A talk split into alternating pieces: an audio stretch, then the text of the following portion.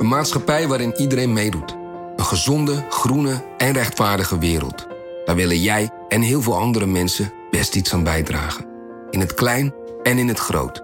Dicht bij huis en ver weg. Zo hebben we vorig jaar 349 miljoen euro bij elkaar gebracht. Miljoenen waarmee onze goede doelenpartners de wereld elke dag een beetje beter kunnen maken. Nationale Postcode Loterij. Samen voor een betere wereld. Aquarius Red Peach Zero Sugar. Met zijn heerlijke frisse persiksmaak zonder suiker draagt Aquarius bij tot jouw dagelijkse hydratatie en helpt zo mee om je vochtbalans op peil te houden tijdens alledaagse actieve momenten. Thuis, op het werk of onderweg. Ook verkrijgbaar in smaken lemon en orange. Probeer hem nu.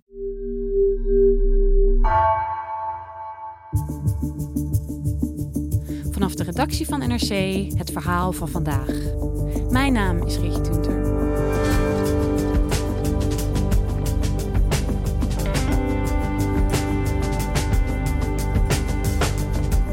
Sinds 9-11 gaat een schat aan complottheorieën de wereld over.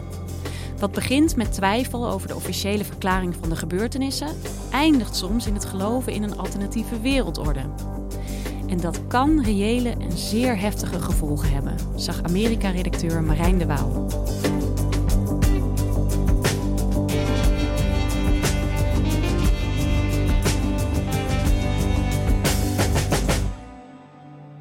Op de ochtend van eerste kerstdag uh, 2020 uh, klinken vroeg in de ochtend uh, in het centrum, het historisch centrum van Nashville, de Amerikaanse stad, klinken in één keer schoten. Maar dat zijn geen echte schoten. Dat is het geluid van schoten die klinken uit de geluidsinstallatie die vastzit aan een RV, een camper eigenlijk. 911, what is the address of your emergency? It's 2nd Avenue North. We're hearing gunshots on the street. We've heard it happen three times now. Can you please send the police up here? Dan klinkt er in één keer een, een, een popliedje uh, van de Britse zangeres Petula Clark, Downtown. When you're alone and life is making you lonely, you can always go downtown. Uh, de stad is verlaten, maar er wonen wel mensen in, uh, in downtown Nashville. Onder andere Betsy Williams. Downtown. Kerstavond heeft het gezellig laat gemaakt uh, met haar familie. So we went to bed sort of late and and then we heard the the recorded we didn't know they were recorded gunshots which were very loud. Ze wordt dus alweer heel vroeg uh, wakker geschud door die schoten. And and he was doing that to wake people up, you know. En uit die luidspreker klinkt ook een tekst met een soort robotachtige stem en die zegt: If you hear this, you have to evacuate now. Dus als je dit kan horen, wegwezen. De politie komt en die, uh, ja, die gaat uh, natuurlijk uh, inspecteren bij die RV. Maar die zit helemaal op slot. En ja, die gaan toch ook maar bij de omwonenden op de deur kloppen. the police were going in there, running in there, knocking on doors, telling people to get up. And there were a lot of people who just ran out. Now, mind you, it was 19 degrees. Het wordt steeds onheilspellender, want om rond 6 uur ochtends schakelt die vrouwenstem over op een soort countdown. Dus die begint met aftellen. Nog 15 minuten, nog 14 minuten, nog 13 minuten. There's a, there's a sound on there that says there's a limited time to evacuate this area. There's a large bomb inside this vehicle that is playing over and over and over outside. De politie probeert zoveel mogelijk mensen uit die huizen te krijgen. En die staan in de vroege ochtend, uh, het is min 7 op dat moment, uh, staan die soms in hun pyjama of op blote voeten met kinderen op de arm op straat. Maar uh, Betsy Williams kan bijvoorbeeld nog zelf haar auto pakken en met de kat op de arm en de familie wegrijden. En zij besluiten om veiligheidshalve aan de overkant van de rivier te wachten. Nou, dat kwartier verstrijkt wat was aangekondigd. Dus ze besluiten toch maar weer terug te rijden in de veronderstelling. Nou, het moet toch een grap zijn geweest. En dan, anderhalf blok van hun eigen huis, uh, zien ze een enorme vuurbal. Zien ze die explosie. uiteindelijk zal niet alleen hun eigen pand grotendeels verwoest worden, maar ook aanpalende panden. Uh, er zit een groot gebouw van AT&T, de, de telecom, Amerikaanse telecomreus. Daar zal uh, een groot deel van het, datacentrum, uh, wat eigenlijk een groot schakelstation is, ernstig beschadigd raken. Totaal raken er 41 panden beschadigd. En er is één dodelijk slachtoffer. En dat is uh, Anthony Quinn Warner, de man die het, de RV daar in de straat heeft gezet. En zich ook verschool in die camper op het moment van de, van de aanslag. Dus we hebben het niet alleen over een bomaanslag hier, we hebben het eigenlijk ook over een zelfmoordaanslag. En wie was deze Anthony Quinn Warner? Ja, het is een, uh, een witte Amerikaan van 63. Ongetrouwd, IT-expert. Um, ja, hij woont in Nashville, uh, om de hoek bij zijn uh, ouderlijk huis. En ja, buren omschrijven hem wel een beetje als een soort ja, vreemde kwast. Mm. Een, een Einzelganger ook, een loner. En hij heeft nog een broer en een moeder. Uh, die, dus, ja, die moeder woont bij hem om de hoek. Die is wel hoog bejaard. En die wilde niet zo heel veel over haar zoon vertellen toen ik haar opzocht. Behalve dan dat hij vroeger een hele goede jongen was. My son was a, very a normal, beautiful son. Yeah. So that's all I'm gonna say on that subject.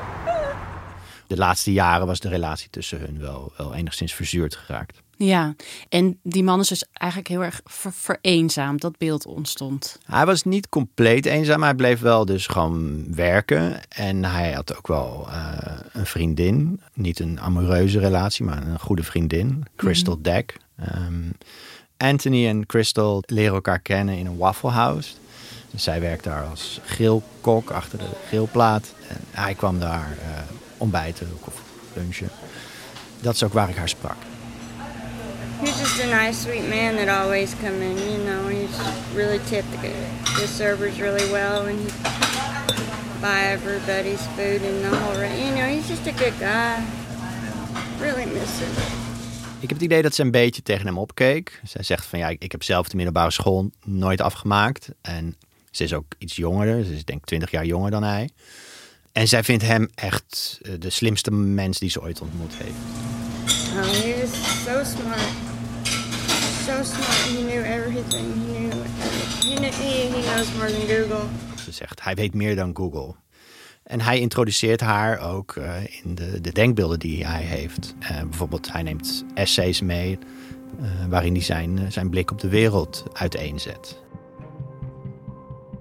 Achteraf gezien denkt zij dat wat hem echt op dat lange pad naar die uiteindelijk nogal explosieve zelfmoord zette, 11 september is geweest. Dus de aanslagen van 2001 hm.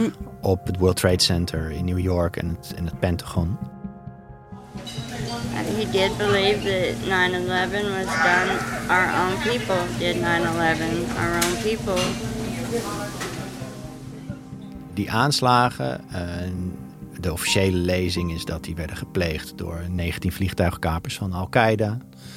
Uh, dat heeft hij nooit geloofd. Hij dacht, dat is een zogenaamde inside job. Dus dit is gedaan door de Amerikaanse regering zelf. Als je dat gelooft, dan is dat natuurlijk nogal verontrustend. Uh, maar het staat nog wel heel ver af van uh, tot ontploffing brengen van een camper. Dus uh, wat, wat gebeurt er dan in de tussentijd? Ja, dat is natuurlijk ook de vraag waarmee de FBI uh, die aanslag gaat onderzoeken. Ja. Uh, na, de, na eerste kerstdag. Maar dat is nog best wel lastig, want hij heeft geen manifest bijvoorbeeld achtergelaten. Het enige wat de FBI uh, kan zeggen na al die maanden onderzoek, en ze hebben 200 mensen geïnterviewd of, of verhoord, is dat hier geen aanwijzing is voor een breder ideologisch motief. Breaking now at noon, the man who blew himself up inside his RV at a Christmas Day bombing in Nashville was grappling with paranoia and conspiracy theories. This is according to the FBI. De FBI zegt dus ook, omdat we geen motief kunnen vinden um, en hij ook probeerde mensenlevens zoveel mogelijk te sparen, is er geen sprake van een terroristisch motief. Ja, Oké, okay, dus de FBI heeft het inderdaad een soort van terzijde geschoven. Um, maar wat zeggen mensen die hem kennen? Daarover. Kijken die er net zo naar? Nou, ik sprak onder andere een, iemand die hem in, zijn, in een hele andere fase van zijn leven kende. Toen hij begin twintig was, uh, in de jaren zeventig. Tom Lundberg En uh, hij ging dan met Warner op pad en dan gingen ze installatieklussen doen. En dan zaten ze de hele tijd te blowen. Echt flink marihuana te roken. Hm. En hij was een behoorlijk slimme kerel, zegt uh, Landberg. Dus hij kon ook behoorlijk stoned uh, nog prima zijn werk doen. Uh, maar hij was ook paranoia over het feit dat de politie hem kon gaan lastigvallen met die, met die wiet. He was just critical about the police, you know, and you can't trust them, you know, sort of thing. Um, they'll cheat to get you in trouble. They'll, the dog's always going to smell something. He would uh, tell me that stuff. Nee, en die, diezelfde jeugdvriend of kennis, uh, Landberg, die, ja, die heeft natuurlijk ook bij zichzelf afgevraagd waarom deze aanslag op die plek. Ja. En hij legt een verband met het feit dat Anthony Warner's vader werkte bij South Bell. Dat was een, een telecombedrijf wat in 2006 werd opgeslokt door die grote AT&T uh, telecomreus. I don't know if that had anything to do with it, but I do remember he was kind of proud of his dad's job uh, back then. I think it was Bell South back in those days. It was a little more. It was a, a little warmer, fuzzier thing than the you know big uh, Goliath of AT&T. En hij zegt ja, misschien heeft dat uh, Anthony Warner ja een soort een motief gegeven om AT&T aan te vallen. Ja, dus hè, de jeugdvriend die jij gesproken hebt, die zegt het zou wel eens een persoonlijk motief kunnen zijn. Ja, dat denkt hij. Aan de andere kant, de FBI in, in het eindrapport wat zij uitbrachten, zagen zij het meer als een optelsom. Hè? Dus zijn persoonlijke uh, problemen, zijn paranoia, het feit dat hij bepaalde ankers in zijn, in zijn leven kwijtraakte. En het geloof in wat de FBI dan noemt buitennissige complottheorieën. Wat voor theorieën had hij nog meer dan? Uh, de meest, eigenlijk degene die veel terugkomt, is dat er een soort schaduwregering is uh, ja. in de wereld. En die trekt eigenlijk echt aan de touwtjes. Ja. Hij vindt dat die onder controle staat van wat, uh, wat de reptilians heten. En dat zijn ja, eigenlijk een soort hagedisachtige wezens. Die komen uit de ruimte. En die kunnen zich uh, onder ons bevinden zonder dat wij mensen dat goed doorhebben. Ja, dat, uh, ja, dat, dat is nogal wat. En, en dat is, uh, ja, dit is gewoon onderdeel van zijn, van zijn wereldbeeld. Ja, hij gelooft daar heilig in. En ja. hij, hij gaat er ook regelmatig naar op zoek. Uh, met infraroodcamera's. En die reptilians, die zijn eigenlijk de hele tijd bezig om de, gekozen politici, dus de, de senatoren en de congresleden, te manipuleren. En zo verknoopt hij dat eigenlijk ook met die 9-11-theorie, namelijk dat die eigenlijk alleen maar uitgevoerd is als, als, als alibi voor meer oorlog. Er is in 2013 een, uh, een groot opinieonderzoek gedaan in de VS en toen bleek 3% van de Amerikanen, uh, dus dat zijn 12 miljoen volwassen mensen, hierin te geloven. Dus het is, uh, Anthony Warner is hier zeker niet de enige die gelooft in, in, in dit soort shapeshifting lizards. Als je dat echt gelooft, is het natuurlijk enorm beangstigend, kan ik me zo voorstellen. Hoe, ja, wat doet dat met hem? Hoe leidt hij zijn leven met, met die, ja, met die gedachten in zijn achterhoofd? Nou, zijn essays publiceerde hij bijvoorbeeld ook niet op internet. Dat vertrouwde ja. hij niet. Want dan, dan ziet die schaduwregering, die zou dat dan ontdekken. Ja, die moet je niet wijzer maken dan zal zijn. Ja, want na zijn aanslag, hij had ook geen uh, digitale doopsil die gelicht kon worden. Hij was ook compleet apolitiek. Hij was niet geregistreerd als, als kiezer. Dus ja, hij, zeker in Amerika in 2020, wat een extreem politiek jaar was met de verkiezingen, met de pandemie, met Black Lives Matter uh, protesten. Uh, was natuurlijk de vraag van toen die bom afging, was dit een linkse Amerikaan of een rechtse Amerikaan? Dus de, de hm. ironie wil dat zijn eigen aanslag, die deels gedreven was door het geloof in complottheorieën, zoals de FBI dan uh, concludeerde, zelf weer onderdeel werd, materiaal werd van nieuwe complottheorieën. Ja, en hoe ging dat dan? Nou ja, je hebt, je hebt eigenlijk de bekendste complotdenker, of in ieder geval de verspreider daarvan. Uh, in Amerika heet Alex Jones. Die heeft zijn eigen website, Infowars. This country is in an existential battle fighting for its very existence against a Chicom-led globalist takeover. En hij zit heel dicht tegen de, de entourage van Trump, de ex-president, aan.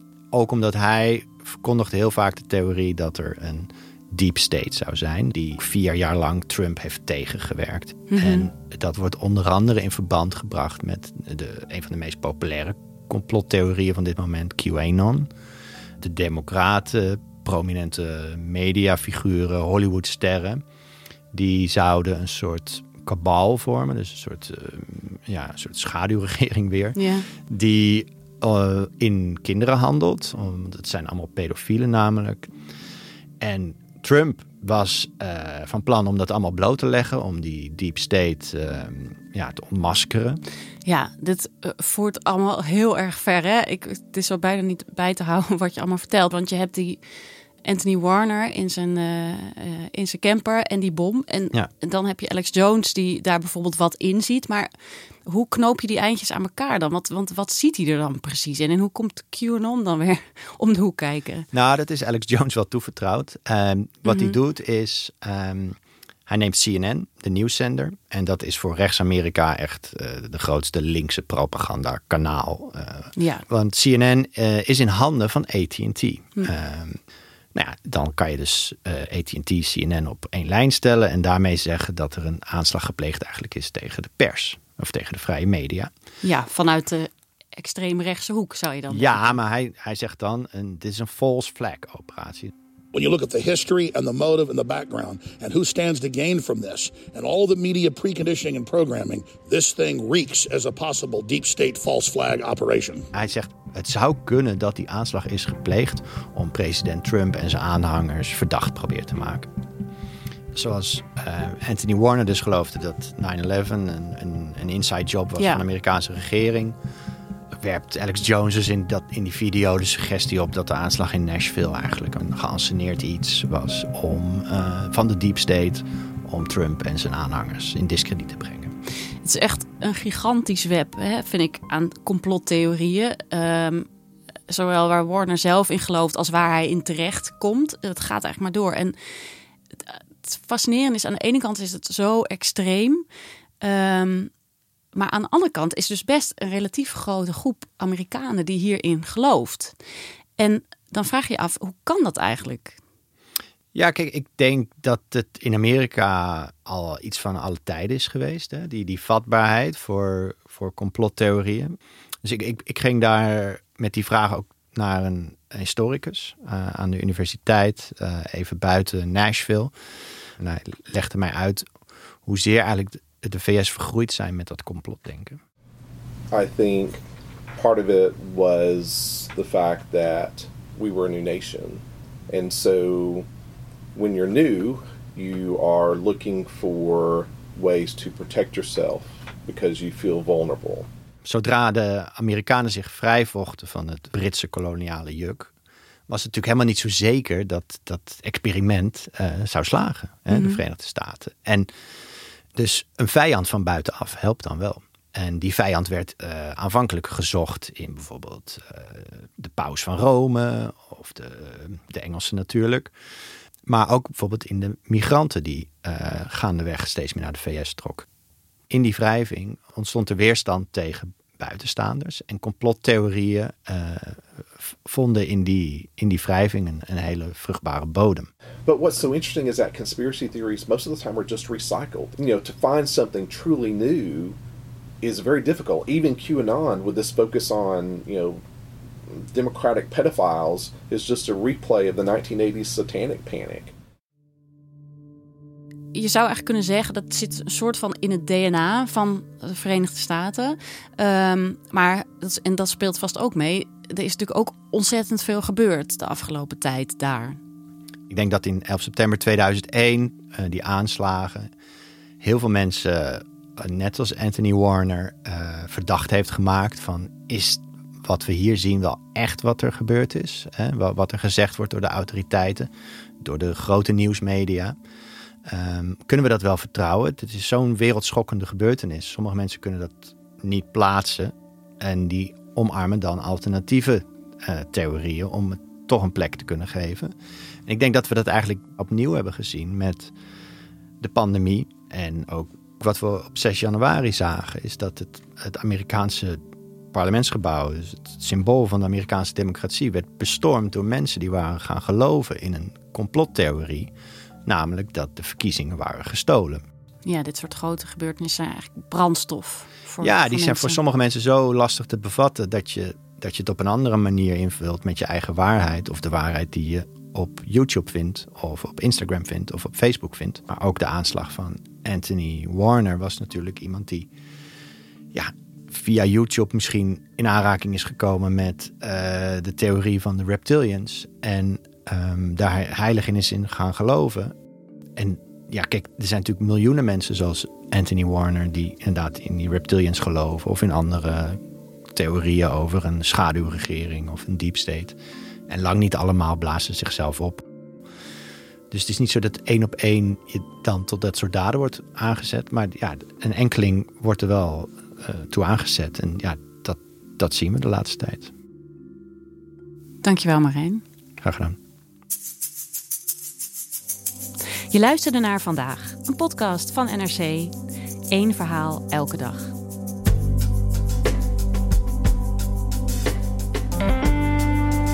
Deze aflevering werd gemaakt door Iris Verhulsdonk, Esme Dirks en Jennifer Patterson. Morgen hoor je in Vandaag de eerste aflevering van de nieuwe NRC-podcast Generatie 9-11. Lotfi El Hamidi en Wafa El Ali onderzoeken hoe de aanslagen in de Verenigde Staten van 20 jaar geleden hun generatie hier hebben gevormd. Dit was voorlopig de laatste aflevering van vandaag met mij als presentator. Maandag zit Floor Boon hier weer.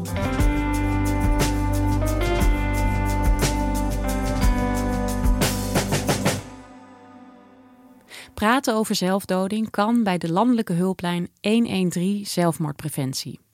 Telefoon 0800 0113 of www.113.nl.